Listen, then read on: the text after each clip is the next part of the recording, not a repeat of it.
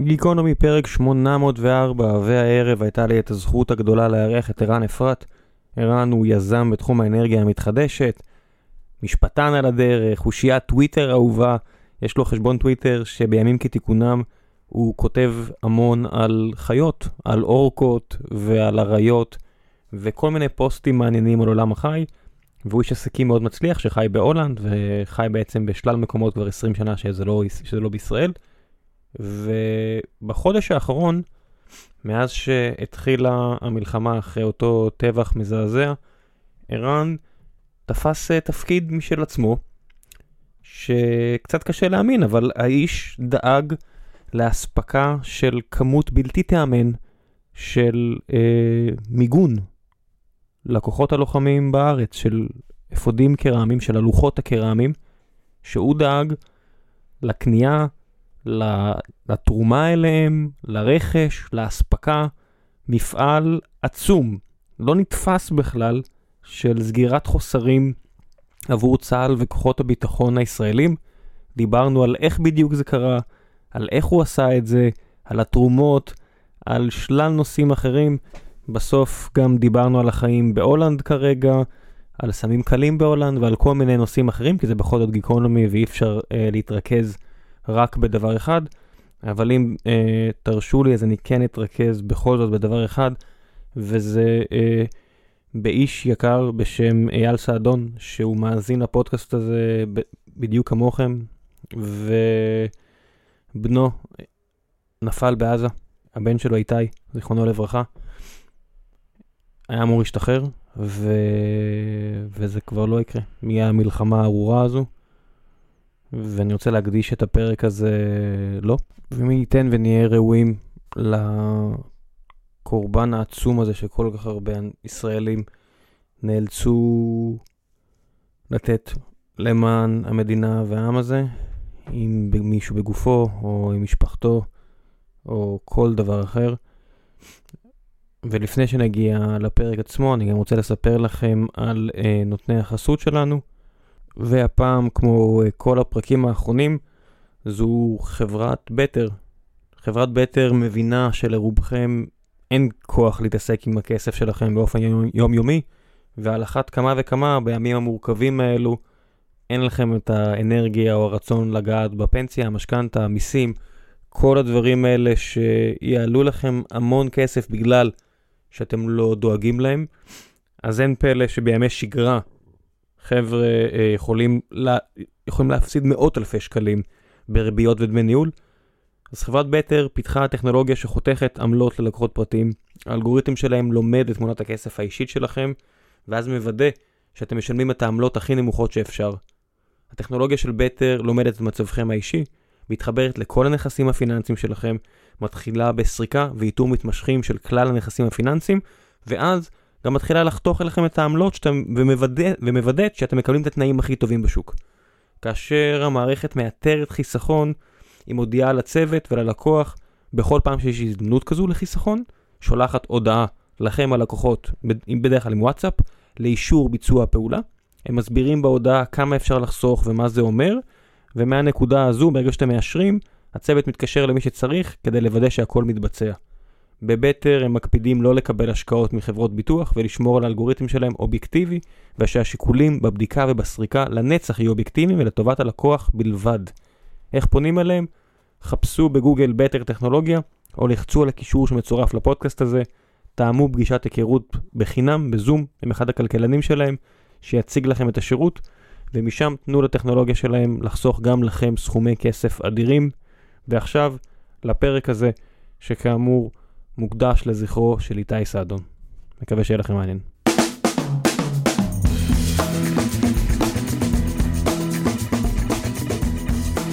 גיקונומי פרק 804, והערב יש לי את הזכות הגדולה לארח את ערן אפרת, איש העסקים ערן אפרת. מה העניינים? מה העניינים ראם? אתה יודע איך זה. בדיוק כן. אה, דיברנו על כך שכולם חולים, אבל איכשהו, אתה יודע, בזמן מלחמה, הכל מתנדף, ימי הולדת, מחלה, הכל אה, לא רלוונטי. נכון, כן, חירום. איך זה נראה מהזווית שלך, שאתה יושב באירופה? זה נורא הזוי, כי בפנים אתה, יש איזושהי הרגשה נוראית, ואתה יוצא החוצה וכולם מחייכים אליך, וכולם שמחים, והכל רגיל. וזה זה מאוד מוזר, כי אתה, אף אחד, אם אתה בישראל, אז בעצם יש איזושהי אווירה ברחוב ואתה חי אותה. כאן אתה חי את זה רק בתוך הבית. גם אשתי ישראלית, אז כמובן אנחנו חיים את זה בתוך הבית. כשאתה יוצא החוצה פתאום הכל רגיל, וכשאנשים מדברים איתך אתה צריך להתנהג כרגיל, ו- וכן, זה נורא מוזר. חוץ מזה שכל פעם שאתה מחזיק את הטלפון ומתכתב, אתה יודע, עוד uh, סחורה במיליון דולר עוברת uh, מצד לצד. כן, שזה ההישג הכי גדול. זה, זה החלק הכיפי ב, בסיפור הזה, כן. איך זה קרה? זאת אומרת, שש וחצי בבוקר, יום שבת, מן הסתם, אה, לא שש וחצי הבוקר שלך, שש, שש וחצי בבוקר, בבוקר פה בישראל, המלחמה מתחילה, איפה זה פוגש אותך? אני התעוררתי, אני חושב, בשעה שמונה וחצי, וראיתי אין ספור הודעות וואטסאפ מהמשפחה, והתחלתי לקרוא אותם לאט לאט, והתחלתי לראות, נכנסתי ישר לערוצי החדשות, וזה היה נורא כאוס, לא בדיוק ידעת לאן חדרו ו- וכמה זה משמעותי, וכמה זה גדול ומה ההיקף.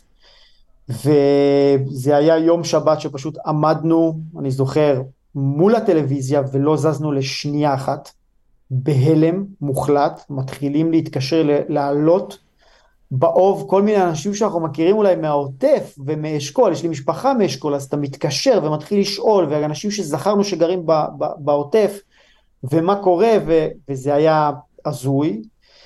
אמ, וזהו, זה, זה לקח 24 שעות מאוד מאוד טראומטיות.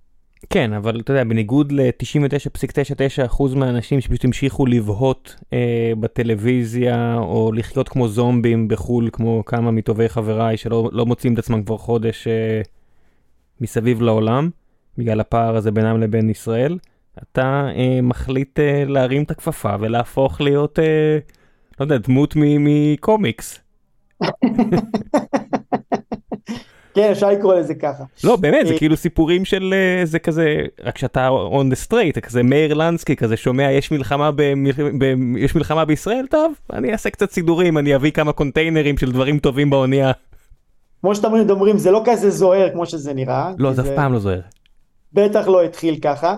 האמת שהתחלתי ביום, ביום הראשון, אה, הסיפור קצת הולך אחורה ליום חמישי, וביום חמישי, יומיים לפני האירוע, האחיין שלי, שהוא בדיוק סיים מסלול בסיירת נחל, מתקשר אליי ואומר לי, דוד, אני צריך תרומה. אמרתי לו, למה אתה צריך תרומה? הוא אומר, אנחנו מסיימים מסלול, אנחנו רוצים שלוקרים. אמרתי, אין בעיה, איפה אני קונה? הוא אומר לי, זה החנות אה, אה, שנמצאת בככה וככה, הנה אונליין ההזמנה, הם רק צריכים כרטיס אשראי. אמרתי, אין בעיה, הזמנתי לו. ביום ראשון כשאתה נכנס לרשתות החברתיות ואתה רואה את כל הכמות אנשים שמחפשים ציוד צבאי, עניתי ו- ומשם זה התחיל, אני אפילו לא זוכר למי, וכתבתי, אני הייתי בחנות הזאת והזאת, אונליין אמנם, קניתי שם שלוקרים, תבדקו, יכול להיות שיש להם, אני לא זוכר מה הציוד שביקשו שם, לפי דעתי נעליים או אפוד קרמי או whatever, ואז פתאום התחילו ליפול עליי אה, בשאלות, איזה עוד ציוד יש לו, איפה יש עוד ציוד, ופשוט התחלתי, אתה יודע, לחפש. ומהר מאוד יצרו איתי קשר אנשים. אתה מדבר על ספק ישראלי? הספק הזה של השלוקרים, אותם כן, כן, כן, מימיות נוחות. אוקיי. כן, כן, הוא היה ספק ישראלי, חנות ישראלית. ואז יצרו איתי קשר אה, בטוויטר, בהודעה פרטית, מישהו ואמר, תראה, יש ב... אה, בשורש, בטירת הכרמל, יש עכשיו אפודים טקטיים, אה, אה, אפודים קרמיים. אם אתה רוצה, אתה יכול להגיד לאנשים שירכשו שם. וכתבתי את זה, אני זוכר שאמרתי, ששמעתי שיש... ואז פתאום חיילים אומרים, טוב, אנחנו צריכים תרומה, מחפשים תרומה, מחפשים תרומה. אמרתי, טוב, יש לי פרופיל יחסית גדול, בוא ננסה, נזרוק. זה ממש היה ניסיון, ואמרתי, אם זה עובד, זה עובד, אם זה לא עובד, הלך, בסדר, ניסיתי, עשיתי את שלי. וכתבתי, אני מחפש תרומה, זה, אני זוכר שזה ה-150 אפודים קרמיים, 283 אלף שקל, הנה החשבונית, תעבירו את זה ישירות לשם, הרס"פ מחכה בשורש טירת הכרמל. ואני חושב שעברו משהו כמו 20 דקות, מישהו שהוא אה, רצה להישאר אנונימי, אה, כותב לי, ערן, אני אשלם את זה. אני שולח לך, אני שולח לך קבלה על התשלום. הייתי בהלם. עצור, עצור, עצור. רבע מיליון שקל, פלוס מינוס, נגיד פלוס, והבן אדם אה, רוצה לתרום. הוא מבקש חשבונית מס, הוא מבקש איזושהי וריפיקציה שזה באמת יגיע, זה... זה... משהו, אני חושב שביום הזה, בוא נגיד אמצעי הבטיחות של אנשים ירדו לחלוטין, כן? לא היה לאף אחד, אני, אני באמת לא יודע מה, אולי כנראה שאני משדר ביטחון. הוא אמר לי אני מעביר את זה מיד, אתה תראה, אני שולח לך את זה, והיא תראה את זה, תיתן לה את הקבלה והיא תשחרר את הסחורה. שמע, רק להעביר 283 אלף שקלים זה לא טריוויאלי. מטורף. לא, עזוב את נכון. הסכום. סתם, אני, אתה יודע, כמי שהיה במערכת הבנקאית ונורא אוהב את הנכננה של פיננסים, זה לא טריוויאלי. אז, אז זה לא עובר לבד, מישהו צריך, איזשהו בנקאי צריך לאשר את זה, זה ברמה הזו. אני שמעתי, אני, אני, זה הדבר הראשון שרציתי לשאול אותך, איך הדברים פתאום עובדים כל כך חלק? האמת שזה מדהים. אני באמת, אני, אני, היה, היה, זה היה יום ראשון, הוא היה יום שבו קודם כל כולם רצו לתרום, כל מי שהיה לו יכולת כלכלית הצטרף. אה, ואנחנו בעצם מה שעשינו זה ניסינו למצות את זה ולהגיד אוקיי כל מי שרוצה לתרום אני קונה את כל הסחורה בארץ ופשוט התחלתי להתגלגל מאותו רגע ולרכוש את כל הסחורה שהייתה במחסנים בארץ. סחורה מה, חושב טקטית? סחורה לקרב? סחורה שאומרת אפודים קרמיים, שלוקרים, נעליים, whatever, הם רצו מדים טקטיים, הכל. הוצאנו ביום ראשון ושני 750 אלף שקל בתרומות לחיילים, רק בציוד. רוקנו את המחסנים בדרום, בצפון, יש חנות בשלומי, יש חנות בדורות ויש את שורש בטירת הכרמל, עכשיו לא זוכר את השמות, פשוט רוקנו אותם לגמרי. כל מה שאמרתי לרס"פ, תלך לשם, תבחרו מה אתם רוצים, אנחנו לוקחים את זה. פלוגה של בנות שעלו למעלה תצפיתניות או משהו שאמרו אין לנו ציוד חורף, אמרתי להם מעולה, לכו לחנות הזאת, תבחרו מה אתן רוצות, תגידו לי, אני פשוט מעלה פוסט בטוויטר, לא היה לנו כסף, לא אספתי כסף מעולם. אמרתי אני פשוט מעלה פוסט, זה ייסגר, אני אומר לכם זה יהיה בסדר. מה אני אגיע לחנות בבוקר ואם אף אחד לא ישלם? אמרתי ישלמו. אתה יודע אני שם את זה, אני אומר יש לי פה חשבונית, 25, 50, 40, 90, 120 אלף שקל, ראם, לא, לא, אף פעם לא עברה יותר משעה. 60 דקות, תמיד פחות מ-60 דקות. וכולם אנונימיים? הוא שולח לי הודעה, אני, אני רוצה לשלם את זה. ואחר כך אמרתי לעצמי, אוקיי, נגמר הציוד בארץ, אני כאיש עסקים יודע לייבא, לא מפחיד אותי, יש ציוד בחוץ, עצור. בוא נצא. עצור, פוס משחק. חלק מהדברים אין לי בעיה, ברור לי. חל, חליפות, אה, חליפות גשם, כל מיני דברים כאלה, בסדר, זה ניילון. הכי גרוע, תירטב. אנחנו לא עשויים מסוכר, גם כלוחם, גם כחייל. כן. ביגוד טקטי, אה, לוח קרמי, יש תקינה. אתה יודע, הדבר הזה אמור לעצור קליע של אקדח, הדבר הזה אמור לעצור קליע של רובה בכל מיני סיטואציות פגיעה ישירה. אה, אני לא יודע איך זה היום בצבא, אני הרבה שנים כבר לא בצבא. אני פשוט יכול, לה-. אני פשוט יכול לבוא, זאת אומרת, אני, אני אספר לך למה הדבר הזה יושב לי בראש. בתחילת שנות 2000 היה אה, בחור בשם אה, חיים בכר, ששירת בסיירת צנחנים, בתחילת האינתיפאדה השנייה, והוא נהרג בבלטה. נכון. והוא נהרג בגלל שלא היה לו אפוד קרמי קדמי, לעניות דעתי אם זה הסיפור, אני פשוט uh, הכרתי טוב את אחיו הקטן שעשה איתי טירונות, כן. והאבא שם, שהוא איש יקר מאוד ושהצליח מאוד בחייו, אמר יותר כמו חיים לא יהיה, ודיגם את סיירת צנחנים בזמנו בתחילת שנות האלפיים כששירתנו, קומפלט. ואני זוכר כאילו שזה זה היה נורא מדוגם והיית מגיע ואתה אומר אוקיי זה מגניב מאוד אבל זה זה תקני זה עובד זה לא עובד מי בדק שזה עובד לא עובד. אך אותה חנות בשלומי יש לה מה איזשהו תו תקן שצה"ל אומר זה בסדר? יפה, אז זו שאלה מצוינת כי אני מעולם לא התעסקתי בקרמי. אמ, זאת אומרת הייתי לוחם, קיבלתי קרמי מהצבא, אני, אין לי, לא היה לי מושג ב- במפרטי. ולקחתי לעצמי, אני לא אשכח את זה, את יום שני בערב לפני שאמרתי שנלך על יבוא, כדי ללמוד את הנושא הזה. כדי להבין מה זה אומר בכלל קרמי תקין, כמה סוגים יש, מי הספקים הגדולים, איפה הם נמצאים, האם זה אירופה, האם זה ארצות הברית. וישבתי ולמדתי מפרטים, הסתכלתי אני חושב על שעות של בדיקות בליסטיות של אפודים ביוטיוב, ב... אם תפתח לנו את היוטיוב שלי זה יראה כאילו אני סוחר נשק, אני פשוט עברתי שם על כל, ה... כל הזה כדי להבין מהי בדיקה בליסטית בכלל, מה הם עושים, מה זה אומר. לא היה לי מושג. לשמחתי כל האפודים שמגיעים לארץ לספקים אזרחיים יש להם תו תקן בינלאומי ומספר, זאת אומרת שלב, מה שנקרא level, 4, 3 פלוס פלוס, 3A, uh, you name it, והבנתי את זה אז, וברגע שהם מוכרים את זה, בגלל שיש להם, בגלל שהם ספקים גם של משרד הביטחון, אז יש להם בעצם אישור, זאת אומרת זה תקין. אז מה שקנינו בארץ היה תקין. עכשיו צריך להבין, וזה היה הפער הגדול, איך עושים את אותה אפליקציה לחו"ל, ששם יש אין ספור תקנים ואין ספור סוגים. זאת אומרת, הספקים הישראלים מייבאים משהו שמתאים למשרד הביטחון. אז זה קל, אתה קונה מהם, אתה קונה משהו תקני. בארצות הברית הם מספקים לאפריקה, והם מספקים לאוקראינה, והם מספקים לעוד מקומות בעולם, לא באמת אכפת להם מה הצבא הישראלי עכשיו בודק, אם הצבא הישראלי רוצה משהו, צריך לבוא אליי ולהגיד לי מה הוא... בסוף אין, כל אחד והמטרות שלו, לוח קרמי נכון. הוא נורא, נורא נחמד שזה יכול לעצור כדור, אבל אם זה יהיה יותר מדי מיגון, זה יהיה כבד ומסורבל מדי, אה, בטח נכון. זה לא מתאים לכל מיני זירות, לא ניכנס פה מתי לוח קרמי מתאים, מתאים, מתי הוא לא מתאים, אבל צה"ל בחר משהו שלפי דעתו מתאים ללוחמה בשטח בנוי. נכון. זה לא בהכרח נכון. מתאים למה שצבא אוקראינה עכשיו צריך ל... במלחמה שלנו נגד רוסיה, שהיא מאוד שונה בהרבה מקרים ממה שאנחנו עושים פה. נכון. ואז אתה בעצם צריך, וזה היה בשבוע הראשון, שהיה כאוס טוטאלי. אני חייב לחלק את זה ל... לשלושה שבועות, שבשבוע הראשון אין תקשורת מהצבא. וזה, כל הכתבות שאתם קוראים על תרומות של עשרות אלפי אפודים שהגיעו והלכו לפח, זה היה כי פשוט אנשים קראו בוויינט בארצות הברית, ישבו בלוס אנג'לס או בניו יורק, וקראו בוויינט שאין אפודים לצבא, ופשוט הלכו לכל מקום אפשרי, רכשו עשרות אלפי אפודים במיליוני דולרים וזרקו אותם על מטוס ושלחו אותם למדינת ישראל. והאפודים האלה פשוט התפוצצו בבדיקות בליסטיות. הספיק כדור אחד או שתיים. ואני לא עשיתי את זה. אני אמרתי לעצמי, אין שום סיכוי, זה, זה מסובך מדי כדי ללכת ולקנות משהו ושזה יתאים. ולכן התמקדנו גם רק על ארה"ב, כי אמרתי, הסיכוי שספק אמריקאי מכיר את דרישות הצה"ליות הן הרבה יותר גדולות מאשר ספק גרמני או הולנדי, שסביר להניח מספק אולי לנאטו, אולי לאוקראינה או whatever עם דרישות אחרות. בוא נהמר על השוק האמריקאי. וזה מה שלקחנו, וגם עד היום אנחנו מתעסקים, חוץ מספק הולנדי אחד למטרה מסוימת של כיתות הכוננות שאני ארחיב על זה אחר כך, אנחנו מתעסקים אך ורק עם ארצות הברית, גם בקסדות וגם באפודים קרמיים.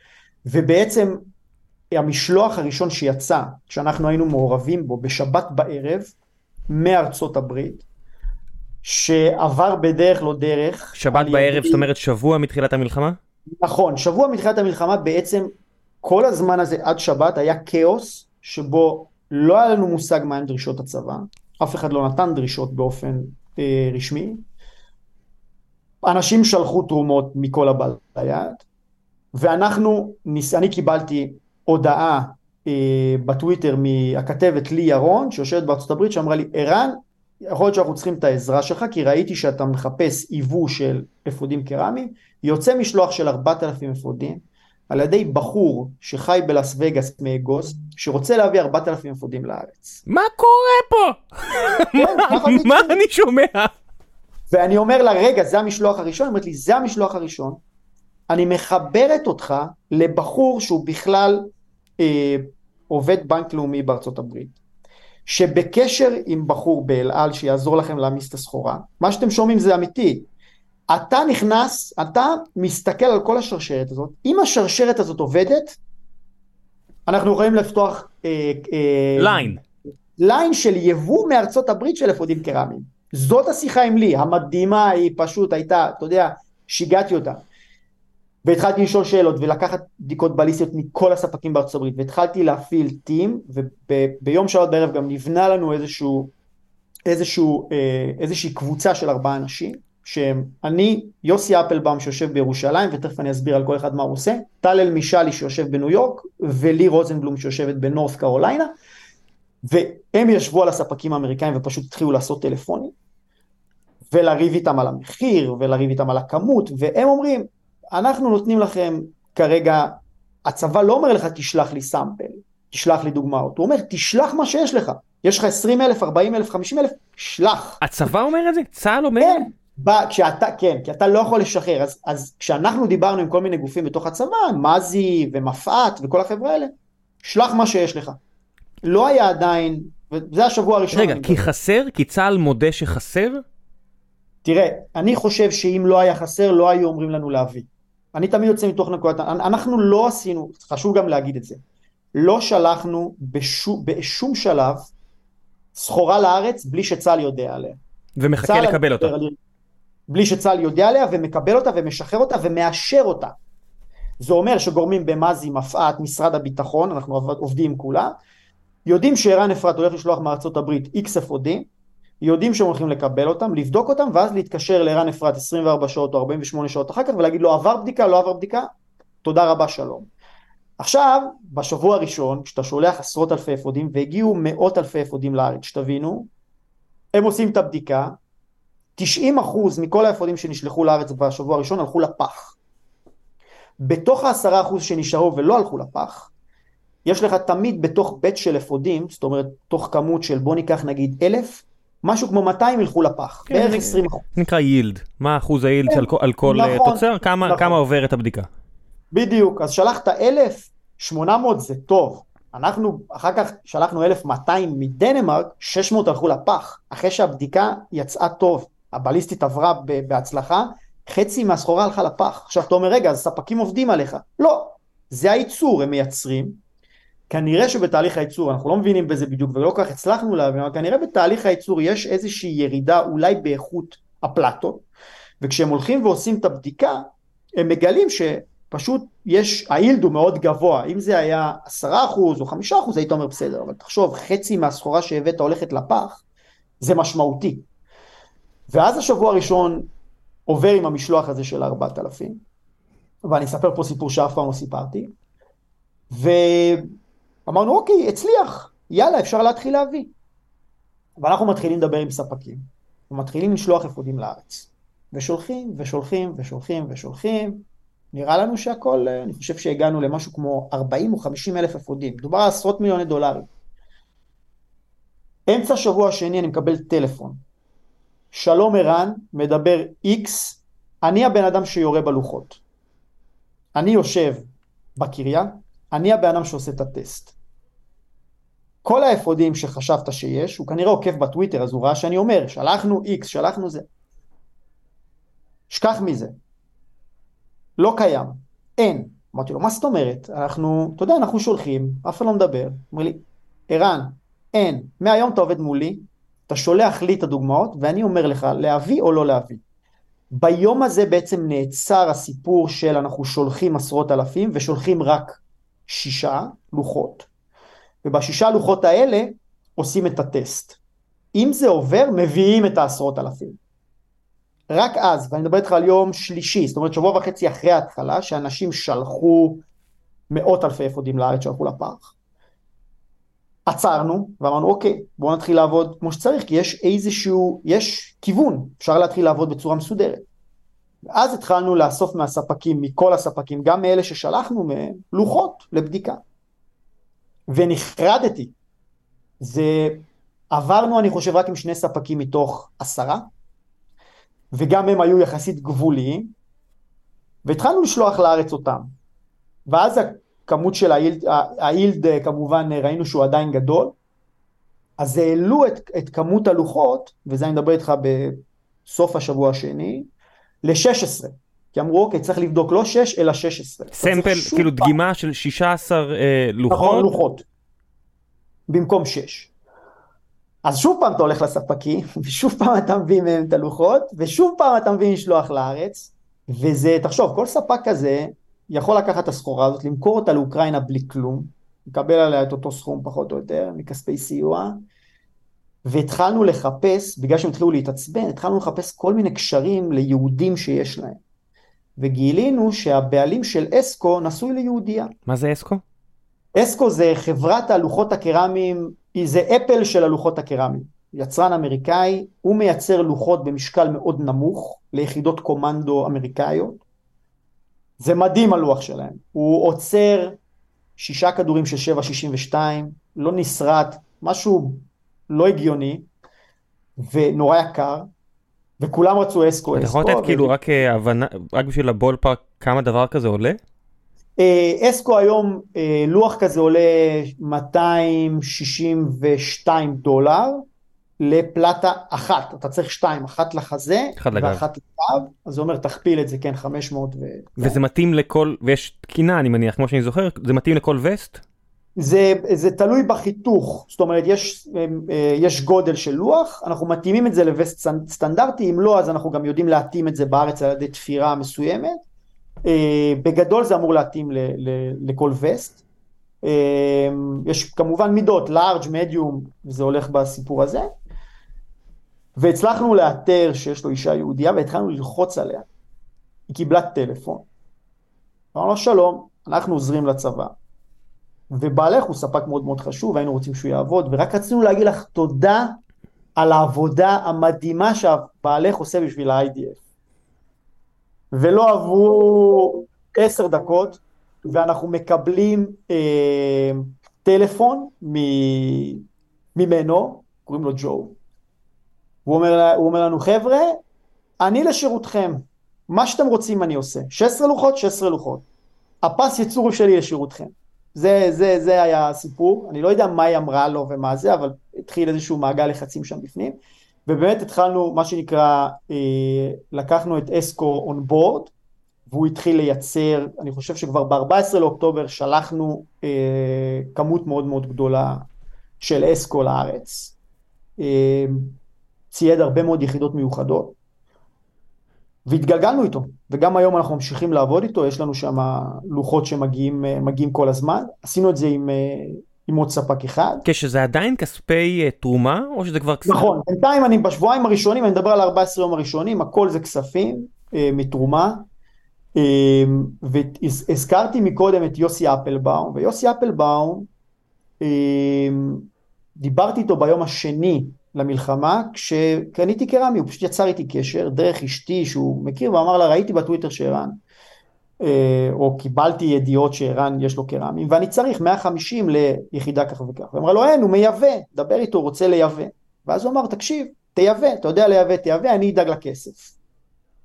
והוא חיבר אלינו את משפחת לאופר, חני וסטיב לאופר, שהם, אין לי, אני לא יכול לתאר כמה, מעבר לכמות כסף המטורפת שהם, שהם נתנו, אה, המהירות שהם עבדו בה, שזה הכי חשוב.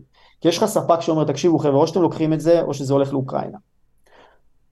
אני לא הולך לעשות עכשיו חוזה מתגלגל עם אף אחד שלא משלם לי אפפרונט, ואני לא מכיר אתכם, אין לי מושג מי אתם, אני לא יכול לעשות עליכם קרדיט צ'ק.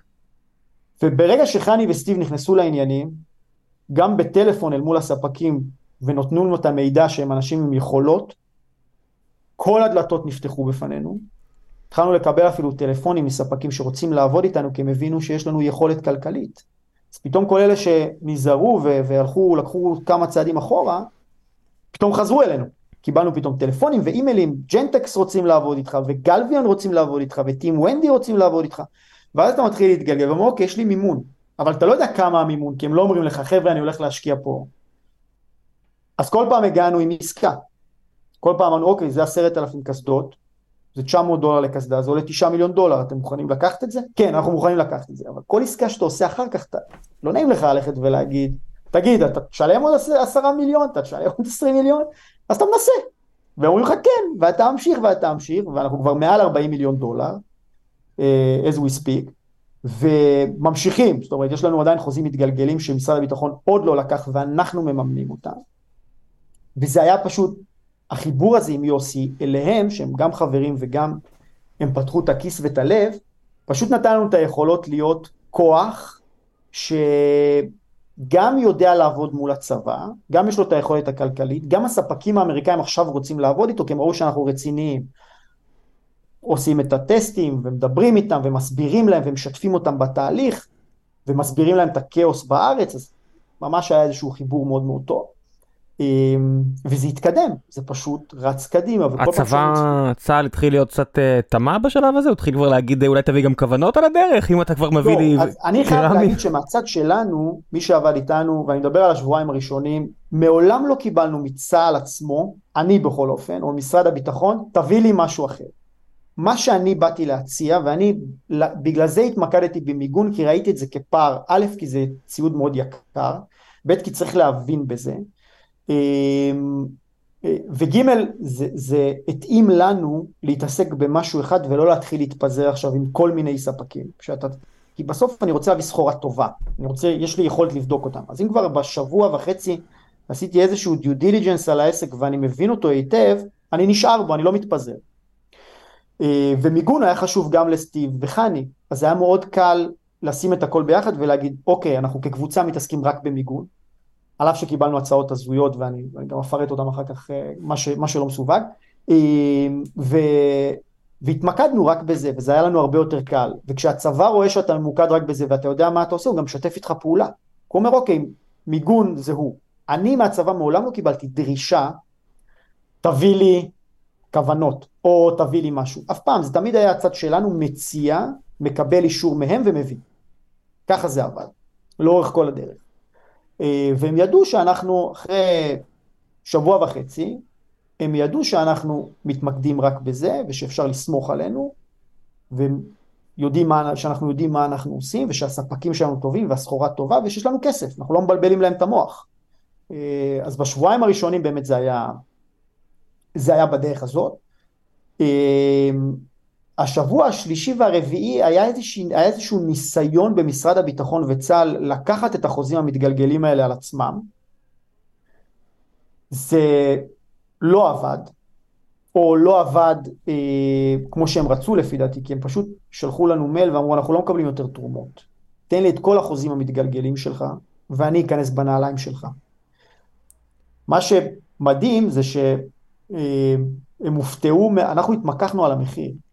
זה לא מקובל כנראה, אבל אמרתי, אין מצב שהבן אדם, אני רגיל מהעסקים שלי, אין שום סיכוי שאני משלם מה שכתוב בהצעת מחיר הראשונה. זה, זה אוטומטית אני הולך להתמקח על זה. מה זאת אומרת? מה אכפת לי? אני לא מבין בזה כלום, אבל אני הולך להוריד אותו, 10 דולר, 20 דולר, בוא נעשה, מה אכפת לי? מה יש לנו להפסיד? ובמייל הראשון שהוא שולח לך את ההצעת מחיר, אני כותב לו, שמע, אני קונה המון, ואני הולך להכניס אותך לצה"ל בחוזה מתגלגל. אין מצב אני משלם 262, 240 ללוח. אתה יודע, ניסיתי. אוקיי, yeah, make sense. או, טוב מאוד, אוקיי, אז אפשר להתמקח, מעולה, בוא נתמקח. שוק. כן, אתה יודע, גם ככה יש כאוס טוטאלי, מה אכפת לי? ואז זה התגלגל, זה פשוט, אתה יודע, החוזה היה טוב, כששלחנו את זה למשרד הביטחון, שאלו את החוזה, אה בוא'נה, איזה מחיר, אפילו משלחת הרכש לא מביאה מחירים כאלה, מעולה, אני נכנס בנעליים שלך. וזה לא קרה, זאת אומרת, זה לא קרה בכל החוזים, כנראה בגלל תקציב. אה, אתה יודע, אני לא, אני לא, אני חס וחלילה לא רוצה לבקר את הצבא, יש לו, הוא קונה אין ספור דברים, ואנחנו התמקדנו בשניים שלושה פריטים באמת. אז, אה, אז הרבה יותר קל לנו מהצד לבוא ולהגיד, אוקיי, אני, למה אין? למה לא הצלחתם? לה... אבל אתה יודע, אני לוקח את זה לפרופורציה. אז באמת אה, המשכנו, המשכנו להביא את הציוד, וזה גדל וגדל, וכבר אנחנו יודעים מה אנחנו עושים. בשבוע השלישי עברנו גם ל... או בוא נגיד בסוף השבוע השני כבר עברנו לקסדות, כי אז גם יצא איזשהו תקן, ולשמחתי, כמובן בלי שתכננו את זה, צה"ל אישר קנייה רק מספקים אמריקאים, ארבעה ספקים אמריקאים שאנחנו כבר דיברנו איתם, שזה ג'נטקס, טים ונדי, אבון וגלוויון. כולם כבר הכירו אותנו, וברגע שזה יצא החוצה, הרמנו אליהם טלפון ואמרנו להם, תביא. ואז אמרו לנו, תקשיבו, בניגוד לקרמי, את זה צריך לייצר. אז אני צריך לעשות איתך הסכם, ואני יכול לספק לך 2,000 בשבוע, 3,000 בשבוע, הסכמים מתגלגלים. אז כל חוזה כזה עם כל ספק שבערך מספק 10,000 קסדות, שהוא מותח אותם קצת, בוא נגיד קצת יותר מחודשיים, אה, עולה תשעה מיליון דולר.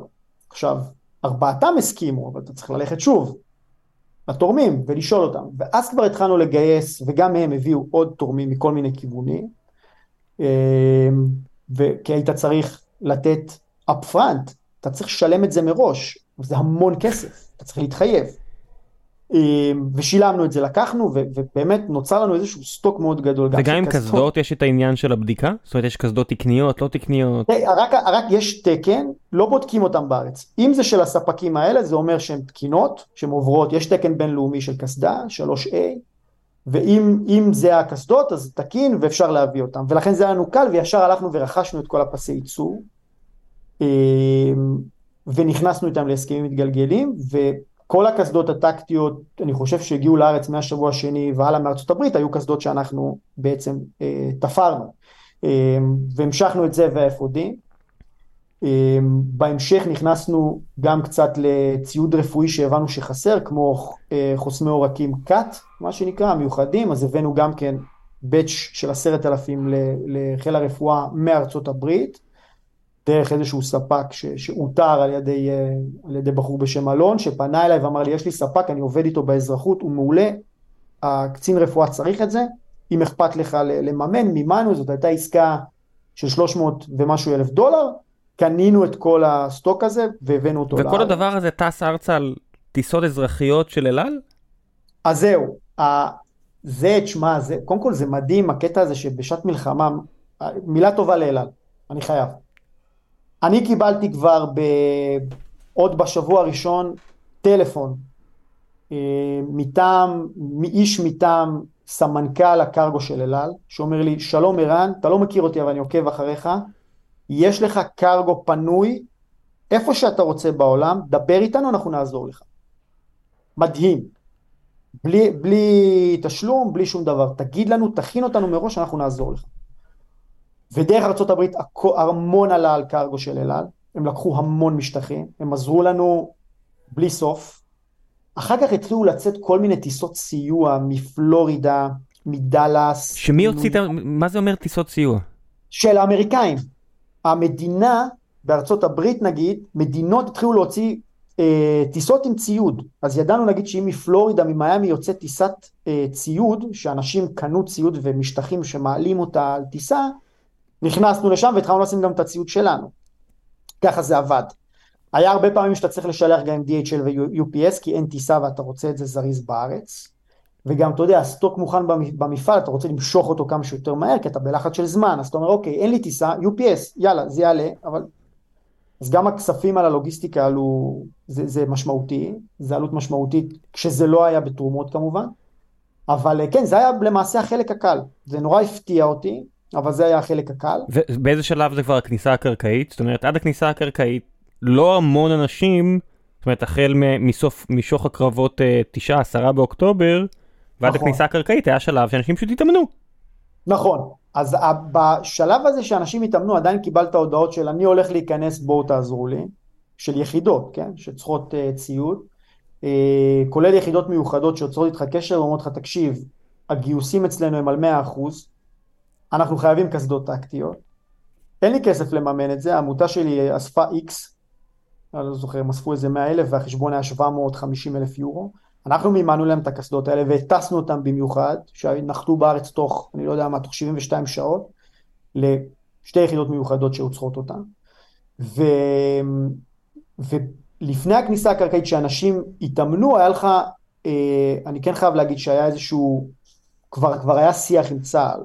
זאת אומרת, זה היה די ידעת שהולכים להיכנס, לא ידעת מתי כמובן, אבל הבנת שזה הכיוון.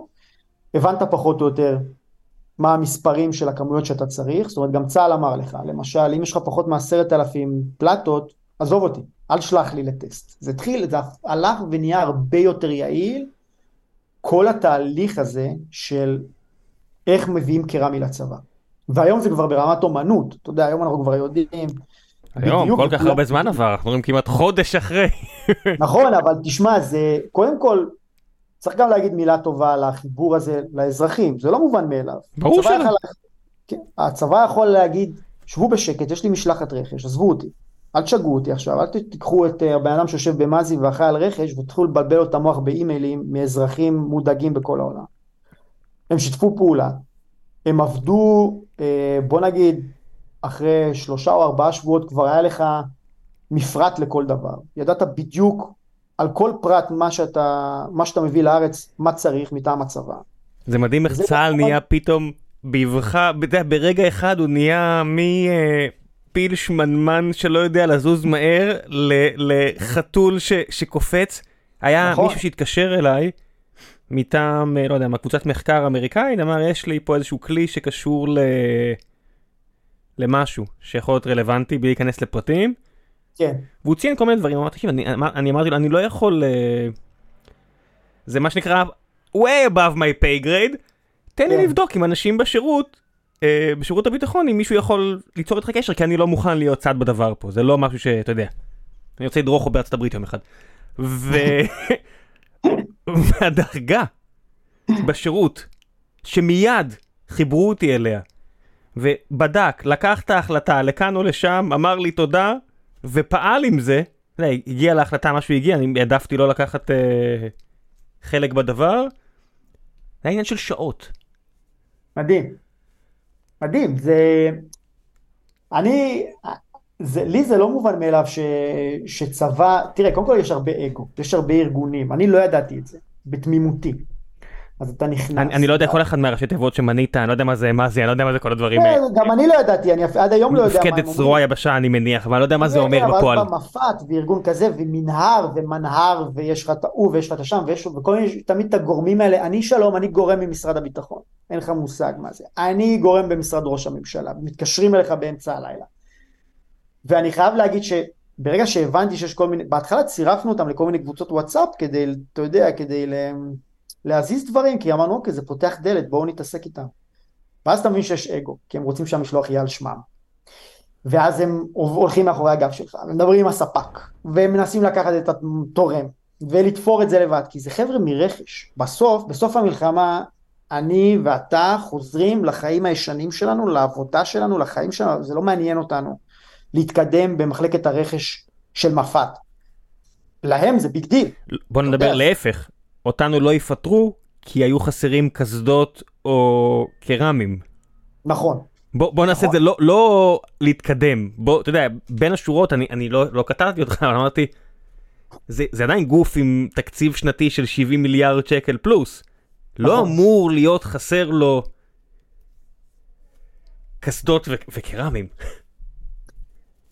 אתה יודע, אני, אני חושב שזאת השאלה ששאלו אותי הכי הרבה, איך זה הגיוני בכלל, ואני גם שאלתי את עצמי, ואני חושב שיש פה, יש פה כמה נקודות שצריך להתייחס אליהן. הנקודה הראשונה היא, אני חושב שאת רוב ה- מה שאני רואה, אני לא יודע מה, מהו חלוקת התקציב, אבל אין ספק שכשאתה מתקצב, לא תקצבו מספיק מיגון וציוד טקטי במדינת ישראל. אני אומר את זה בוודאות. כי אתה רואה קודם כל את איכות הציוד שחיילים מקבלים, אני מדבר על מילואימניקים, גם צריך להפריד את זה, כן?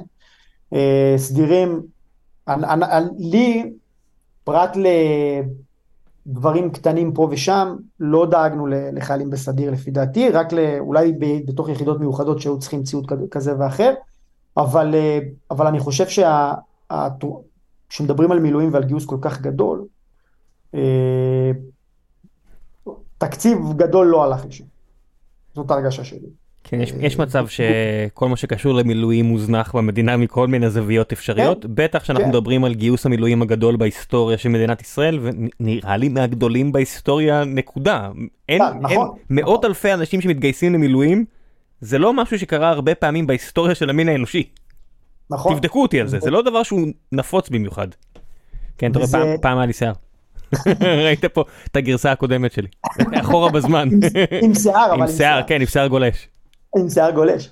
אה, אז אתה יודע, יש את הסיפור הזה, וזה אין ספק, זה כבר לא סוד, ואני אני לא מסתיר את זה, אני אומר שהיה שם, היה שם מחסור אה, לחיילי מילואים בציוד, ו- ושם אנחנו נכנסנו כדי לעשות את זה. המלחמה באוקראינה לא תרמה, זה אומר? שגם כשרצו להשתלט על נושא הציוד לא היה מספיק והיה צריך לייצר. אמ, ובסוף, אתה יודע, אם אתה, יש לך 70 מיליארד ואתה מוציא את הכסף, סתם אני זורק עכשיו ב... ב, ב, ב הרוב הולך למשכורות, חבר'ה. אני אחסוך לכם את ה... את ה... את ה... את- לאיפה זה קורה? לפנסיות ומשכורות, זה מה יש. פנסיות, משכורות, F35, אמ, צוללת, מה שאתם רוצים, כן? אה, זה- הדבר הכי מדהים הוא שגופים כל כך גדולים, מה שדיברת עליו לפני כן, שאמרת ש- שהם לא קונים בזול, כשאתה מסתכל כמה עולה ל... לממשלת ארצות הברית לקנות תרופות, לעומת אותה תרופה שנמכרת בהודו, אותה תרופה. הפערים יכולים להיות גם פי אלף. כן, אני, אני. לא מגזים, תבדקו אותי. פי כן, 100, הם לא פי אלף. מתמקחים. למה? עכשיו אני לא יודע, אולי זה other people money, סיוע. אתה יודע, יש את ה-others people money, אתה יודע, מה... נכון.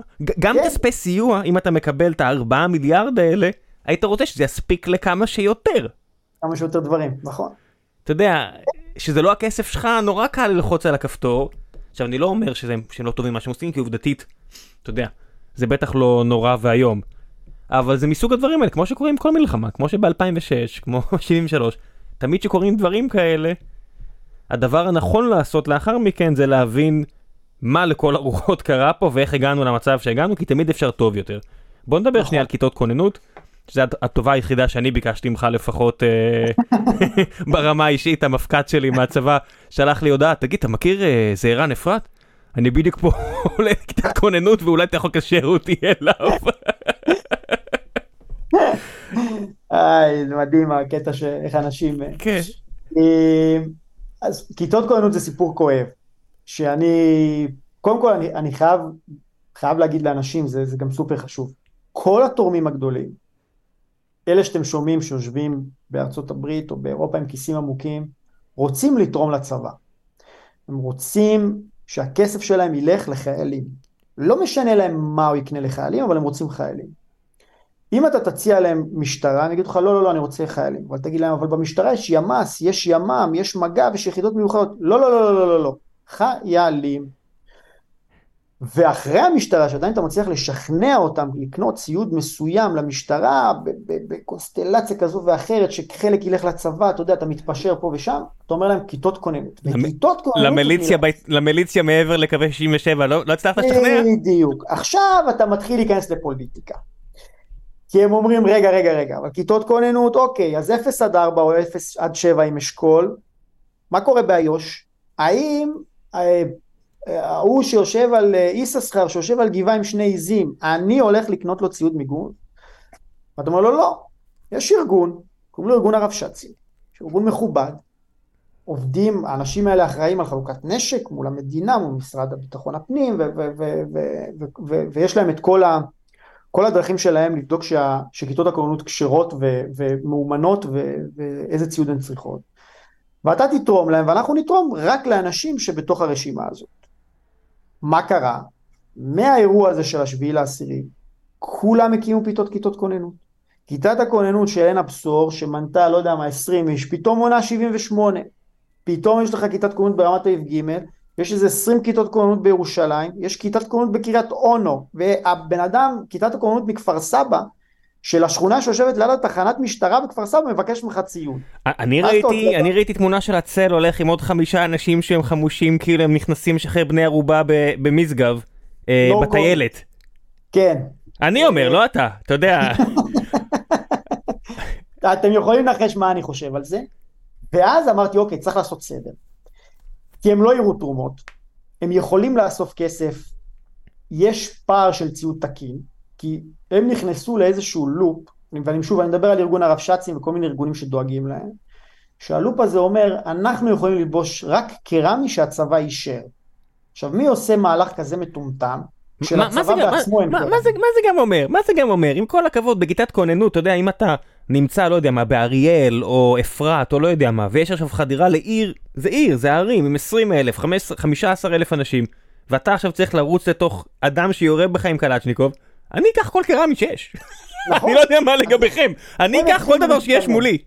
נכון, אז הם התחילו להתפנק, כי הם שמעו, קודם כל תראה, אני שמתי לעצמי למטרה צדדית אמנם, אבל התמקדתי בזה גם למנוע מציוד לא תקני ולא טוב להגיע לצבא, כי התגלגל לכוחות המילואים הרבה ציוד אזרחי ברמה מאוד נמוכה, אני ראיתי מבחנים בליסטים של ציוד כזה שהתנפץ אחרי כדור. אתה יודע מה, קרה, מה יקרה עם זה נכון? כאילו בינינו. זה לא שהם הולכים לגרוס את זה או למחזר את זה, זה הולך להיזרק באיזה מזבלה. איזשהו ימ"ח. והחבר'ה מאום אל פחם, או מאיזשהו אה, מושב של עבריינים יהודים, שלא תגידו שאני גזען, יש גם כאלה וגם כאלה שרוצים אה, ציוד טקטי, אז בקרב כנופיות הבא, שיהיה עוד חצי שנה... יגרשו את זה.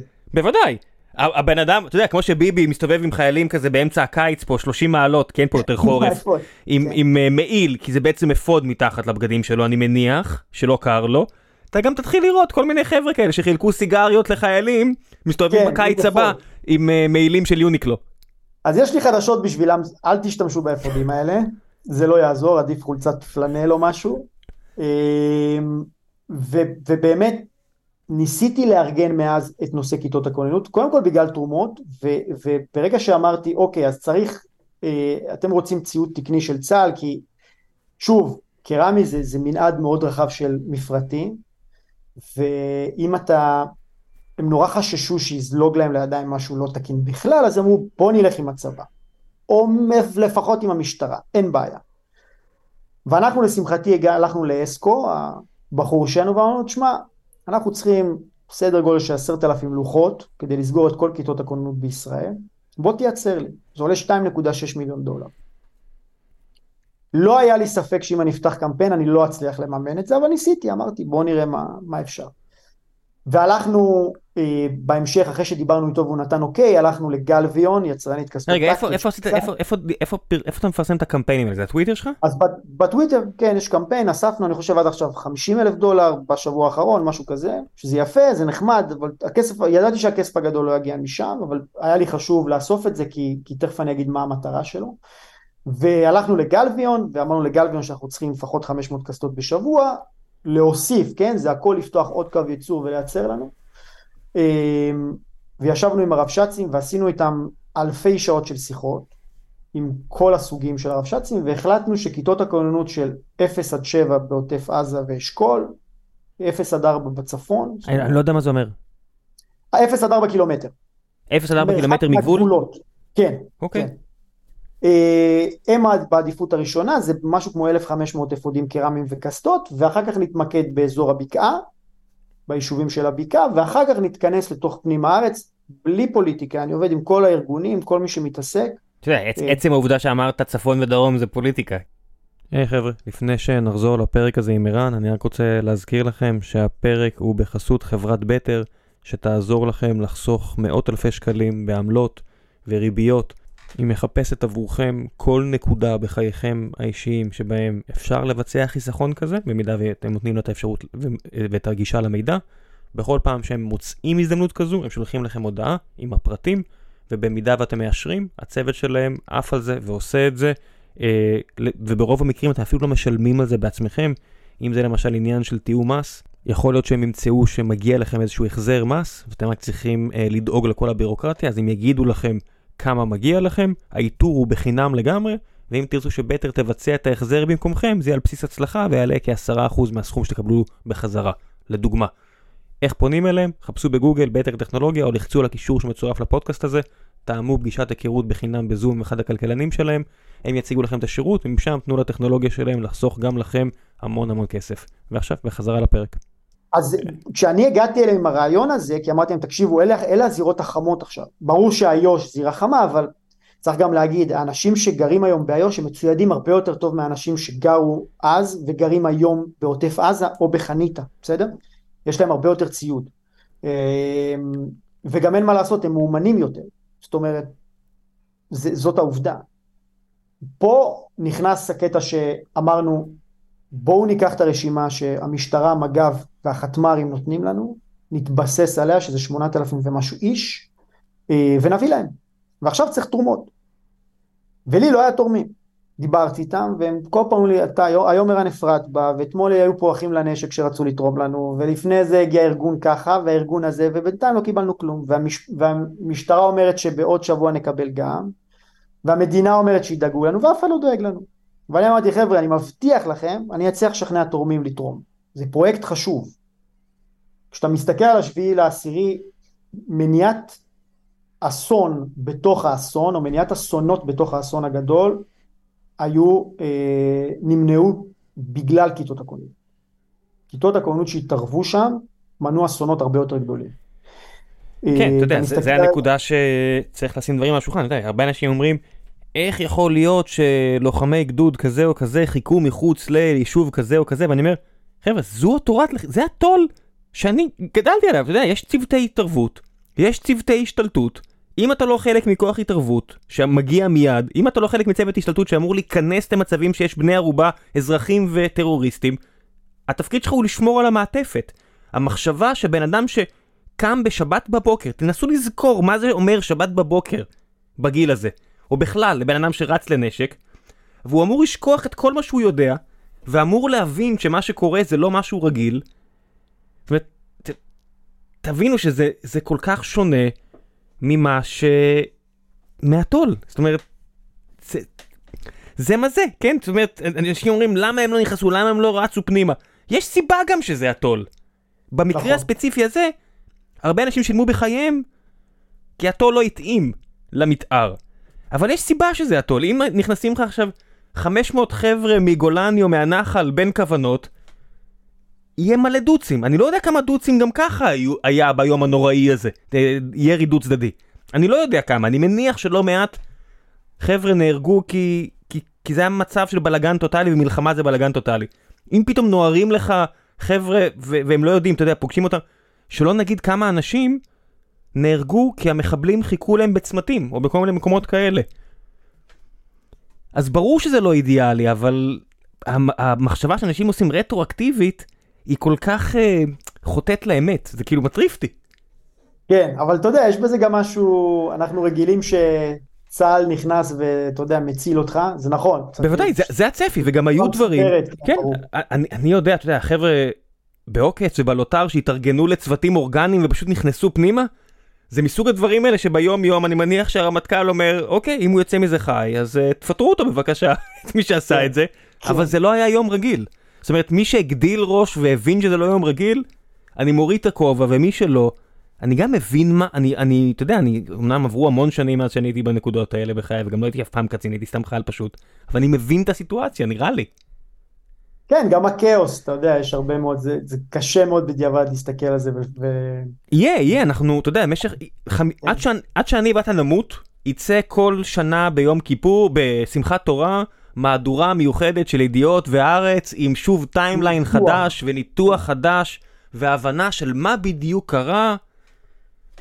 כן, ברור שאתה יודע, כל מיני שמועות על איך קרה ששעתיים לפני שש וחצי כבר היה דברים שהתחילו לקרות.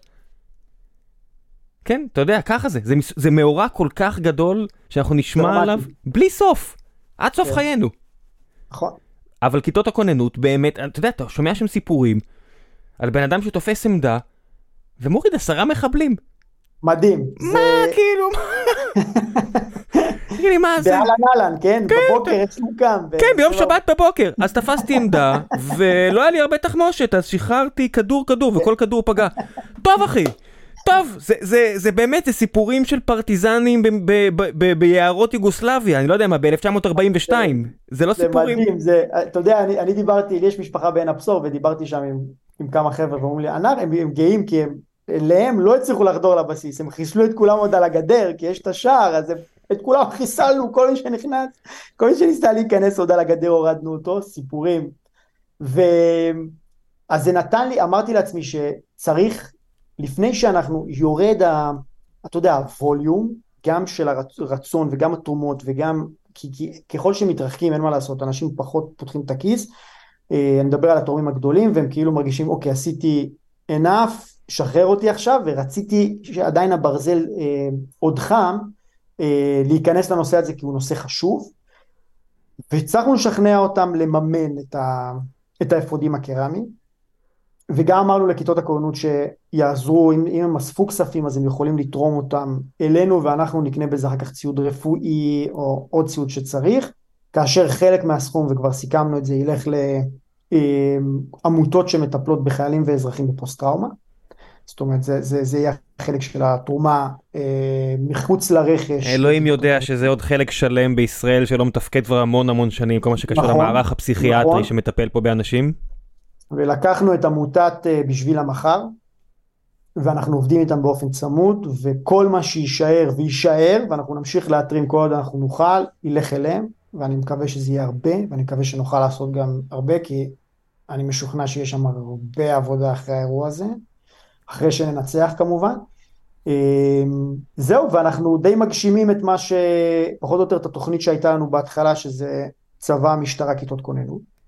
אמ, והם יקבלו, יתחילו לקבל ציוד כבר בשבוע הבא, ציוד צבאי תקין, מלא, אמ, ולפי דעתי חותמת שאני מאוד מאוד מאוד אה, מאושר בה, מאוד גאה בה, אה, שהצלחנו ככה לעזור ל... ייקח זמן לרדת מהעי, אה? אתה יודע. כן, כן, כן. לחזור זה... לחיים רגילים של לייבא ולייצא. הרגילים המשעממים שלי עם האורקות ודלק, אלוהים, איך אני אחזור לשם? לא, אורקות זה... סבבה, אורקות זה הכיף שלך, התחביב שלך, למי שלא יודע ולא שמע את הפרק הקודם שערן דיבר עם דורון, אז אתה כותב בצורה נורא יפה על חיות ועל התנהגויות של חיות ואתה מטייל בעולם, בסוף אתה יודע, יש עסקים, מייבא, מייצא, דברים קורים, דברים משתחררים, אבל לא יהיה את ההיי הזה, דברים יזוזו לאט. לא, אז אה, אני זוכר שבשבוע הראשון לא ישנתי, לא אכלתי, באמת, ממש מלחץ, כי אתה גם בשבוע השני, וזה לאט לאט ירד, וזה היום, אני אמרתי את זה בכמה הזדמנויות בטוויטר, כשאני מקבל אישור לתרומה ואני סוגר תרומה, זה מרגיש לי כמו סגירת עסקה גדולה עם המון כסף. אותה הרגשה, זה אותו, בדיוק אותה הרגשה, זה די מדהים, כי תמיד חשבתי שהחלק הכי כיף בעסקים זה שאתה סוגר עסקה, פתאום נופל עליך סכום כסף מאוד גדול, בעצם סממן להצלחה, ופתאום אתה עושה את זה בקטע התנדבותי. אני אף פעם לא עבדתי בהתנדבות בווליום הזה, ואתה מצליח לשכנע תורם לשים עשרה מיליון דולר ולתרום לצבא עשרת אלפים קסדות. והוא אומר לך יש אישור ואתה בוהה שנייה אחת בסקרין שוט שלו של העברה הבנקאית לספק האמריקאי. וזה אושר בדיוק כמו שאני סוגר עסקאות של מיליונים. זה, אני בחיים לא ידעתי שזה אפשרי. פתאום הבנת שאתה פתאום מבין כל הפילנטרופים האמריקאים האלה שתורמים למפלגות. בדיוק, או... עכשיו אני מבין למה אתם תורמים חבר'ה. עכשיו אני מבין. ואחר כך לראות את התמונה של החייל ששולח ואומר לך זאת הקסדה שלך אני יודע כי אמרו לנו וזה הווסט שלי אז אתה מחלחל לשטח זה לא נסגר באיזה ימ"ח. וואי אני לא יכול להסביר את הרגשה זה מה שמניע אותי. זה גורם לי כל הזמן לרדוף למחוץ אתה יודע ללחוץ את ה... לסחוט את הלימון בוא נגיד עוד עוד מה, מהכיוון של התורמים כדי לה... עוד וסט כאן ועוד ציוד ראית כאן. ראית כבר uh, קצת uh, שאלה ראית כבר וסט uh, בשימוש? בטח, הרבה, כן, כן, כן. וואלה. גם וסטים, גם קסדות בשימוש. אני אגיד לכם יותר מזה. כי היה מלא התקלויות. אנשים לא מבינים שבתוך, אתה יודע, אני רואה, יש פה איזה שכן, מילואימניק, אה, אני רואה אותו אחרי 30 יום, זה איך שם?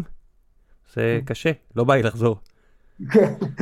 לשמור על עצמך, כי אני רואה אותו יוצא שוב.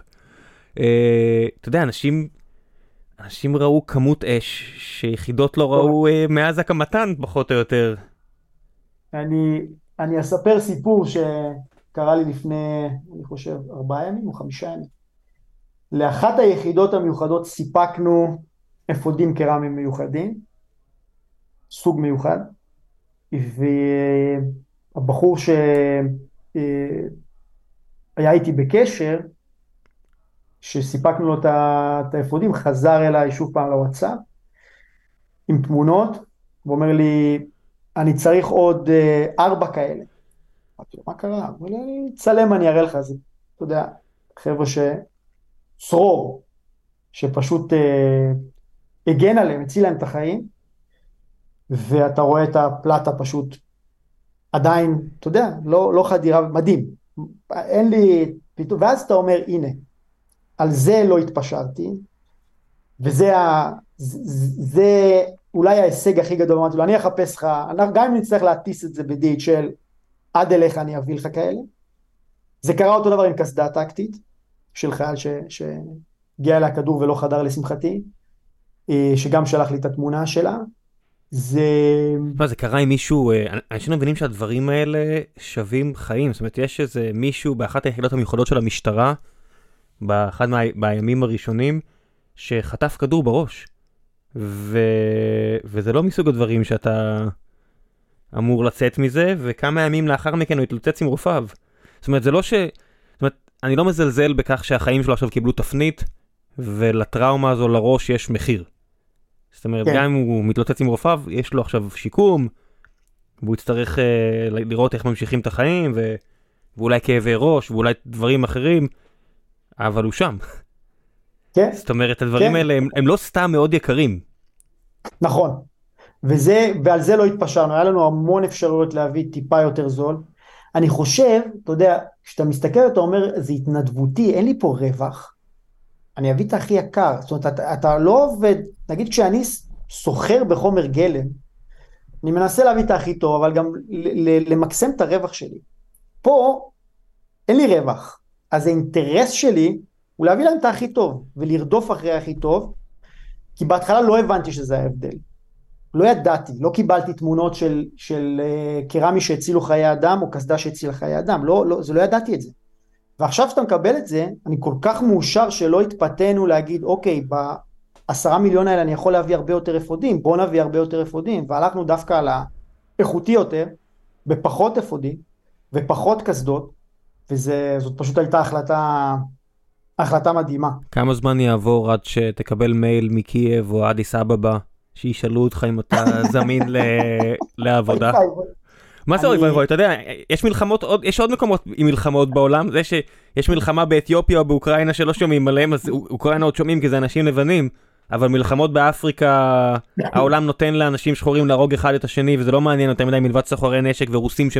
שעוזרים כן. ומסייעים לאחד הצדדים כי זה טוב להם. אבל אותם זה מאוד מעניין, זה החיים שלהם. כמה זמן נראה לך יעבור עד שתקבל אימייל כזה? אני, אני יכול להגיד שכבר הספק, אחד הספקים הציע לי לעבוד איתו, בתור מה? בתור איש מכירות? בתור איש מכירות, אוקיי. כן. אה, אתה באירופה, בוא, יש נאטו, אתה יודע, יש... יש- מלחמה באירופה, אתה יודע, בוא, כן. בוא, בוא, תעזור.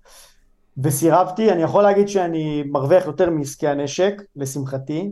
עכשיו שאני... אתה לא יודע, אתה מתעסק רק מיגון. במיגון, חכה שתעבור כן, לצד נכון, האופנסיבי. נכון, יכול להיות שבדברים האלה יותר. יש הרבה, תראו, יש, קודם כל, ספקים אמריקאים יכולים למכור אך ורק לצבא. הם לא יכולים למכור לשוק פרטי, אז אתה חייב תמיד לעבור ב... מה מה לעבור זה אומר? ב- זה אומר שהוא חייב, ספק אמריקאי שמייצר מיגון, אסור לו למכור לאזרחים, אחרת הוא מאבד את הרישיון שלו. הוא חייב למכור רישיון ייצוא. כן, כן. אז הוא מקבל, מה... הוא חייב לראות מכתב רשמי של הצבא, מזי או כל גוף אחר. שלום, אנחנו מעוניינים לקבל את הלוחות האלה, סוג הלוחות, מפרט הלוחות בחתימת סגן אלוף כך וכך. מן הסתם רק רשימה סגורה של אה, צבאות אה, שארצות נכון. הברית חפצה כן. ביקרם. בדיוק. ו...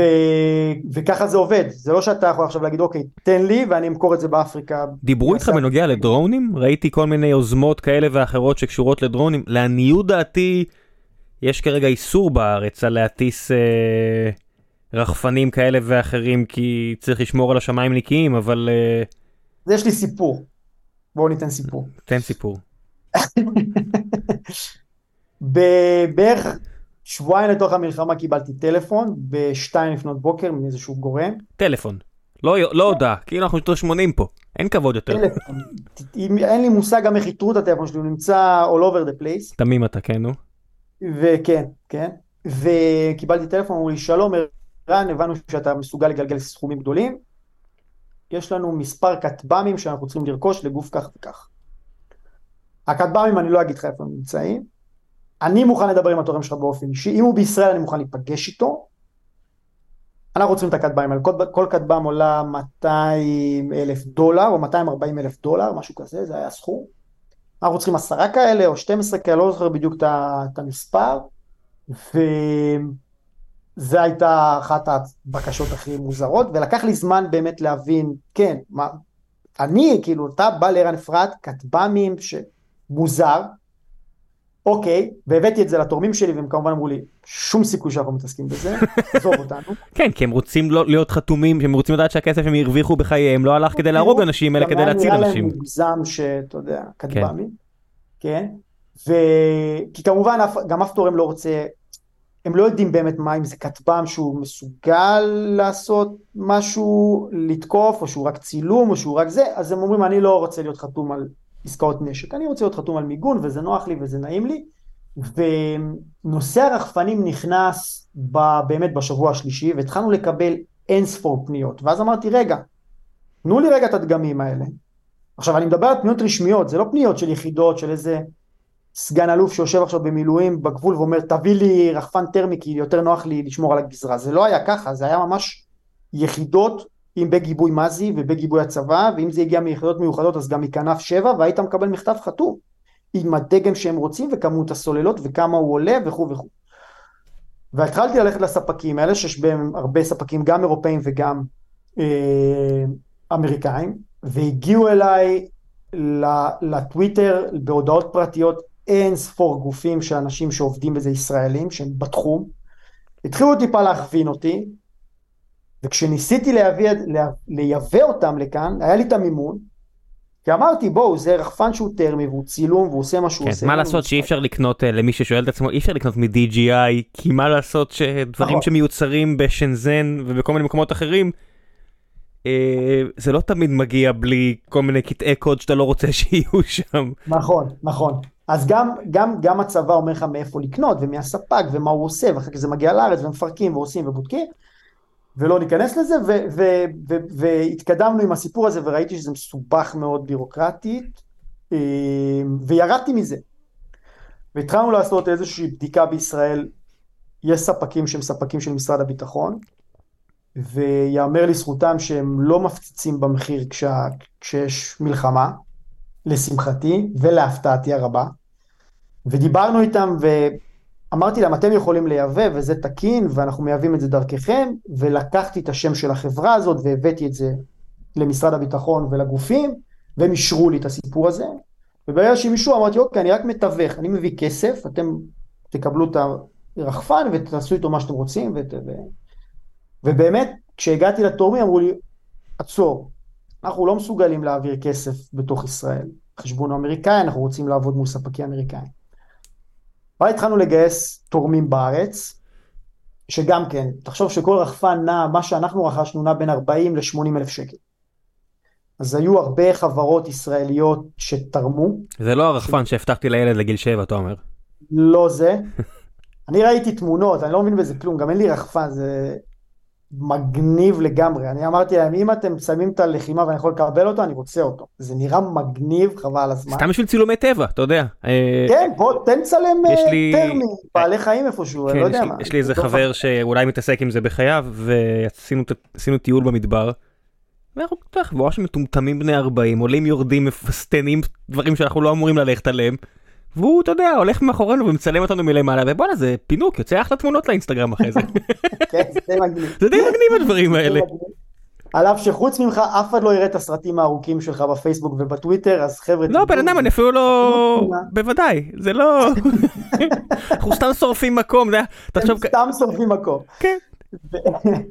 וזהו, ואז התחלנו, אתה יודע, לגייס את הכסף הזה בתוך ישראל, ונהייתה לנו קופה קטנה גדולה, של כמה מאות אלפים, והתחלנו לרכוש רחפנים כאלה ליחידות, וזה הפך, זה נחטף כמו לחמניות חמות, שוב, זה נתן, תראה, אחד הדברים שגרמו לי להתאבד על זה במרכאות, זה היה שהייתי מקבל ממפקדים בצבא בכל מיני יחידות, בכל מיני רמות, תקשיב ערן, הדבר הזה מציל חיים, זה, זה כלי אה, מדהים בלחימה, גם כמובן בהגנה וגם ב, ב, בלחימה, ו... אתה יודע, מבחינתי זה מספיק. אז, אז אני מתקדם. אנחנו, אני זוכר שאחר כך פנו אליי הרבה שריונרים, אם אפשר לקבל כזה, כי הם רוצים לראות מה קורה. מחוץ לטנק. כן, כי אתה יודע, היו, מה שקורה שם זה מתגנבים, מנסים להניח מטענים ליד הטנק וכל מיני סיפור כזה. אמרתם, תקשיבו חבר'ה, אין הרבה, אם אני אצליח, אז אני, כמובן, אני אעשה בשמחה. אז אמרו, אוקיי, אז מצלמות רוורס. מצלמות 360, שאנחנו נתקין בטנק, ונוכל, זה יפתור לנו את הבעיה. אם אתה מצליח להשיג מצלמות, אה, ולצערי כל המצלמות באיזשהו מקום מורכבות, או יש להם נגיעה לסין, אז אמרתי אני יורד מזה.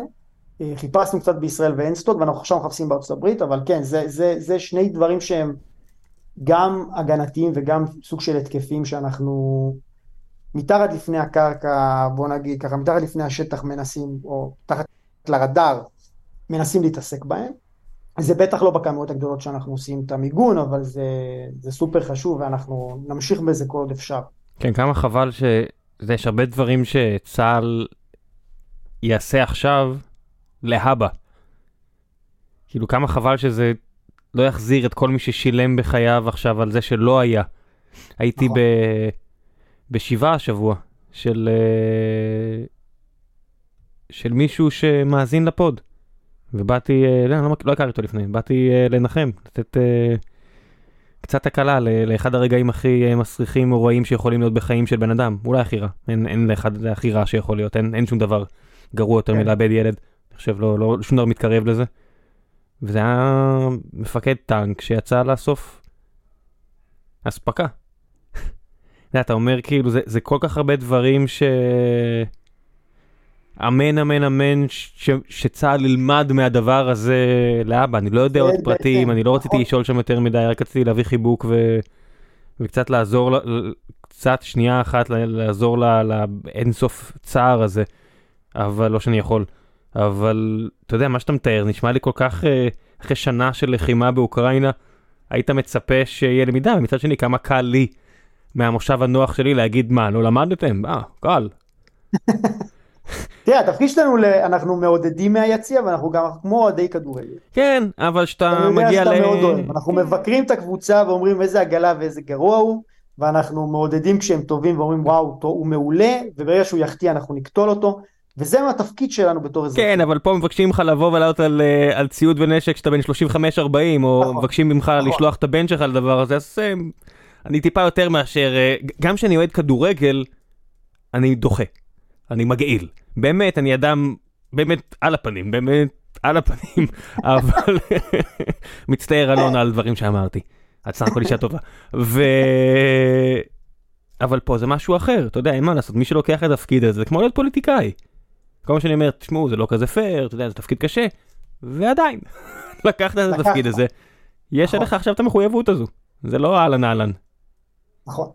אני, אני, אני מקווה שאתה יודע, הם רואים, זאת אומרת, גם מה שאנחנו עושים ומה שגופים אחרים עושים, אה, באמת גם הרבה פתרונות פשוטים, שמגיעים מהשטח, גם הרחפנים האלה, גם מצלמות רוורס לטנק, הרבה דברים שהם נשמעים לנו בנאליים ומצילים חיי אדם.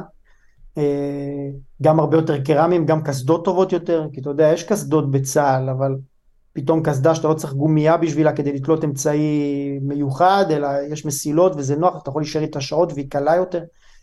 יש התקדמות. אתה חושש? מה? אתה חושש? אתה חושש? אמ, זה 20 שנה אחורה בהולנד אה, הורידו למישהו את הראש כי הוא צייר ציור של מוחמד והנה אתה עוזר מלא לצה"ל. אני לא, אני לא מרגיש, לא, אני לא חושש, אני גם, תראה, אני בפרצוף שלי ואני מדבר ואני לא מפחד. זה אני... זה לא וידאו, אתה יודע. זה רק אני רואה. ברור, ברור, אבל כן. לא, תראה, אני לא יכול להגיד שאתה צריך להיות שאנן. אתה אף פעם לא צריך... לא, אל תהיה שאנן. כן, יש כל מיני מטורפים, אתה אף פעם לא יודע. אתה לא חמוש. לא, אני לא חמוש. מה חוקי הנשק בהולנד בכלל? אין לי מושג, אני חושב שזה בלתי אפשרי בכלל להחזיק. ראית פעם נשק בהולנד? שוטרים. שוטרים כן עם נשק? שוטרים יש, כן, לפקחים יש מין רובה כזה, כמו taser כזה, שהם יורים דברים. אני חושב שבאנגליה אפילו לשוטרים אין. לשוטרים, אני שוטרים וד... באופן ודאי יש, ראיתי. אמ, אתה מרגיש את ה... אתה מרגיש כאילו את הרחוב חם יותר? לא, אבל זה גם לא חוכמה לבוא, אתה יודע, שאלו אותי את זה הרבה, אבל זה לא חוכמה לשאול אותי שאני לא לובש שום סממן יהודי ואני אצא החוצה, אני נראה כמו טורקי לצורך ביום הכי טוב שלי, או מרוקאי, שיש פה אין, אין סוף. כן, אתה, אתה גר באמסטרדם? כן. תשמע, יש שכונות באמסטרדם שאתה מסתובב, שכולם בפיג'מה, אתה יודע. כן, אבל אז תראה, מה, ש, מה שבאמסטרדם לצורך השיחה, בכלל, בדיור ציבורי, אתה יכול לגור בשכונת יוקרה, ועדיין יהיו בתים של דירות דיור ציבורי לידך. אז השכונה היא מעורבבת. זה אחת הסיבות גם שיש פה מעט מאוד עוינות לזרים, וגם הזרים הם, הם פחות, אה, פחות עוינים, אני חושב, להולנדי.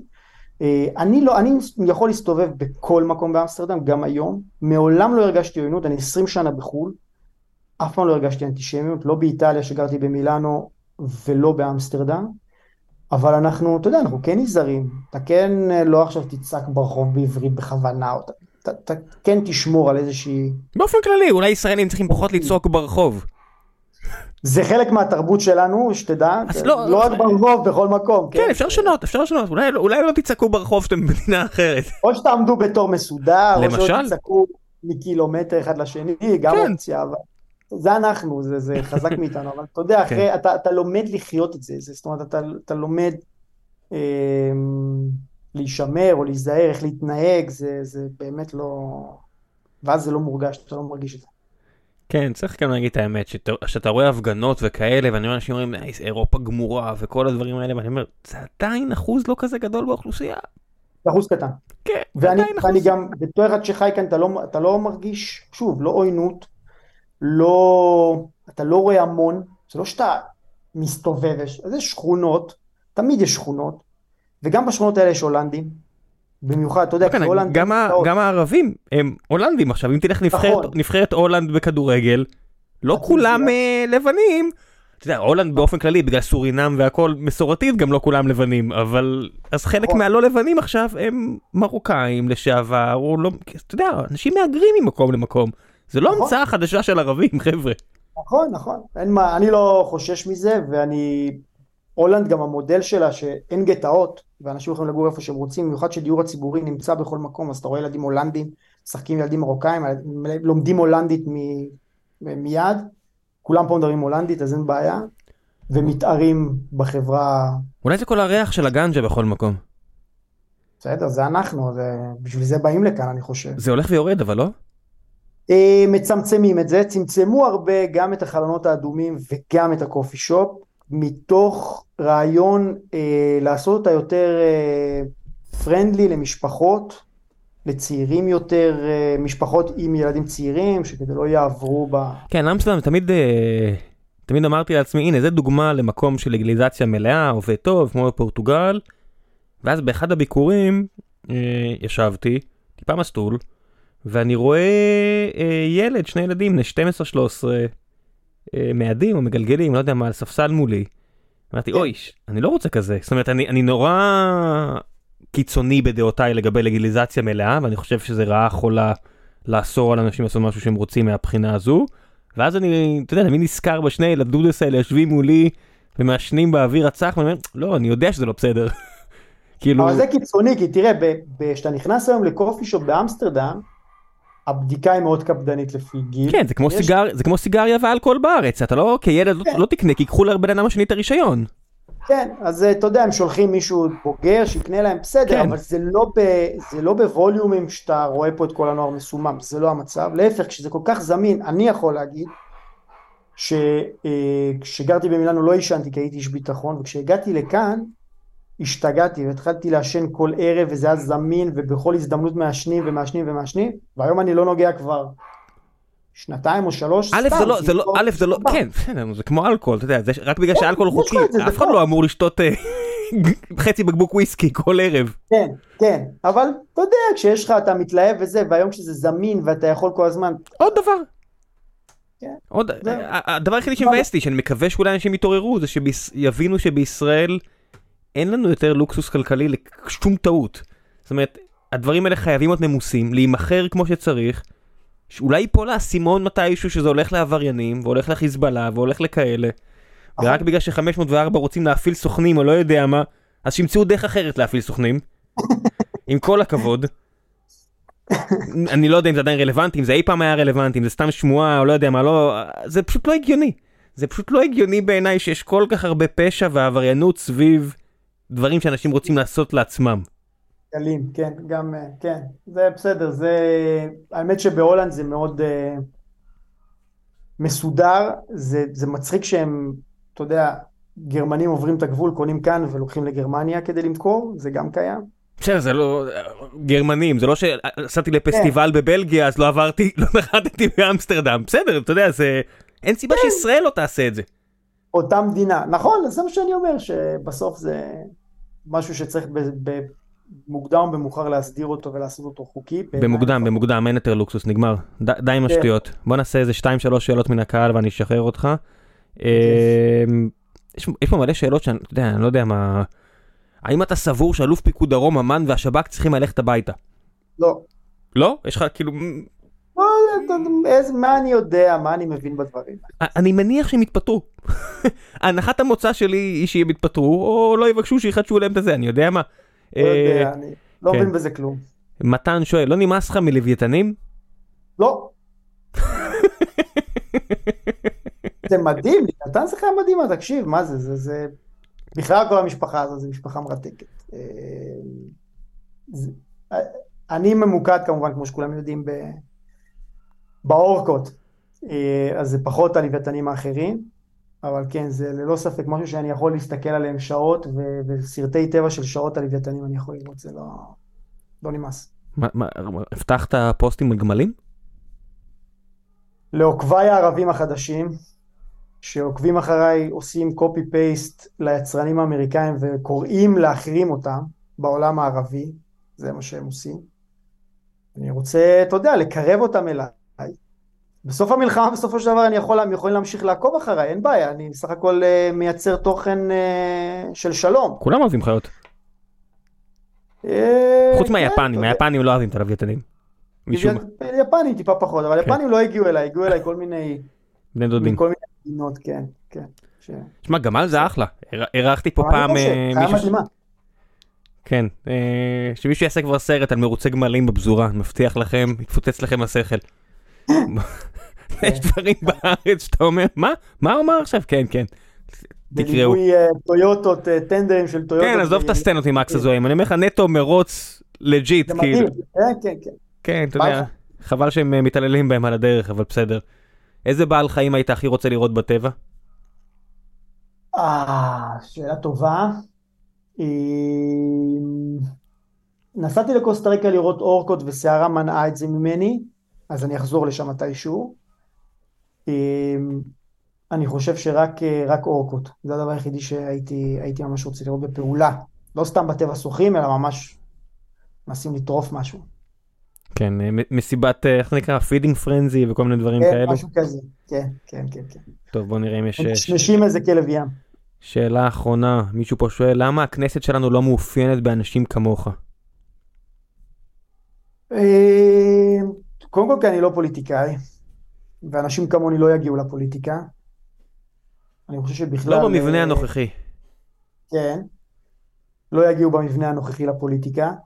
וזה מאוד חשוב לי להגיד שאני אני לא רוצה לבקר או, או לתת מחמאות לאף אחד, אבל uh, אזרחים תמיד יותר יעילים מפוליטיקאים בעתות משבר, לנו הרבה יותר קל לתפקד, אין עלינו בירוקרטיה ואין עלינו ועדות ואין עלינו לחץ ואני לא צריך להיות פופולרי בעיני אף אחד, אז אנחנו באמת עושים נטו את העבודה.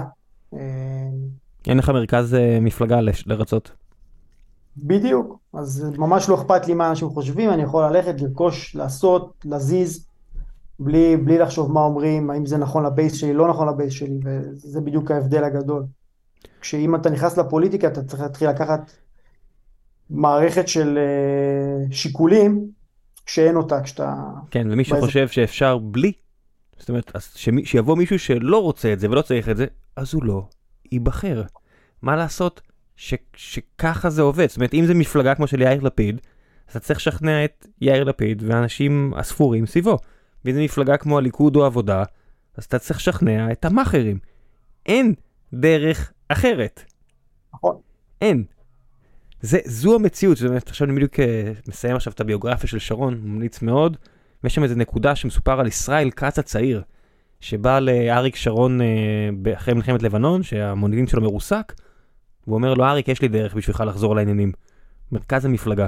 זה 500-600 אנשים, תלך לכל הבר מצוות, תלך לכל החתונות, תעשה כאילו אכפת לך, או שבאמת יהיה אכפת לך, either way, ותחזור ככה. והוא עשה את זה. וזה מאוד עזר לו. זה היה מפלגת חירות לפני שזה חזר, לפני שזה הפך אותה ליכוד כפי שאנחנו מכירים, זה היה כולה 500-600 אנשים וזה מאוד עזר לו. וישראל כן. כץ ידע מה לעשות עוד אז. אתה מבין, זה בן אדם, אני לא, אני לא מוכן ללכת אפילו לא לבריתה אחת, חבר'ה, אפילו לא לבריתה אחת. בן אדם שכבר עושה את זה 40 שנה רצוף. אנשים אתה יודע, מזלזלים בו על החשבון טוויטר שלו ולא מבינים שזה לא הקטע. זה בשבילכם כשיהיה לכם מה להתעסק בזמן שהוא מבטיח הבטחות לאנשים והוא יקיים אותם אחרי זה. כמה לחיצות ידיים מזויפות. לא, זה. אפילו לא, הקטע הוא שזה לא מזויף. כי אתה רואה בספר את כמות השחיתות שאריק שרון היה מעורב, לכאורה, לכאורה, לכאורה, בסדר, הוא מת, גם הסופר שכתב את הספר מת, דוד לנדאו, זיכרונו לברכה, אז אין מי שיתבע אותי, אני מקווה, אבל כמות השחיתות שהאיש הזה היה מעורב בה, זה לא נתפס, ורוב השחיתות נובעת מהדברים האלה, שהלחיצות ידיים האלה הן לא מזויפות. כן, לא. מעטן וכך, ואני אתן לך ואתה תסדר. להפך, כדאי מאוד שהלחיצת יד הזו באמת תהיה מש... בעלת משמעות, וכדאי מאוד שמה שהבטחת יקרה. כן, כן. בסדר. טוב, יאללה בן אדם, בנימה אופטימי זו. היה לי תענוג, כמו תמיד. כן? אה, זה כולה ש- פעם שנייה, צריך פעם שלישית לפני שזה יהיה כמו תמיד באמת. בשמחות, אבל פעם הבאה זה חייב להיות משהו שמח. שתבוא להדליק משואה. אני נעשה כן. לפני. אה, טוב, זה- שיתקדשה, למען.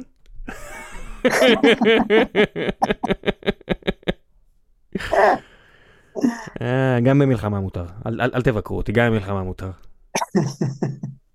יאללה, תודות. ביי בן אדם, זה תכף יעלה.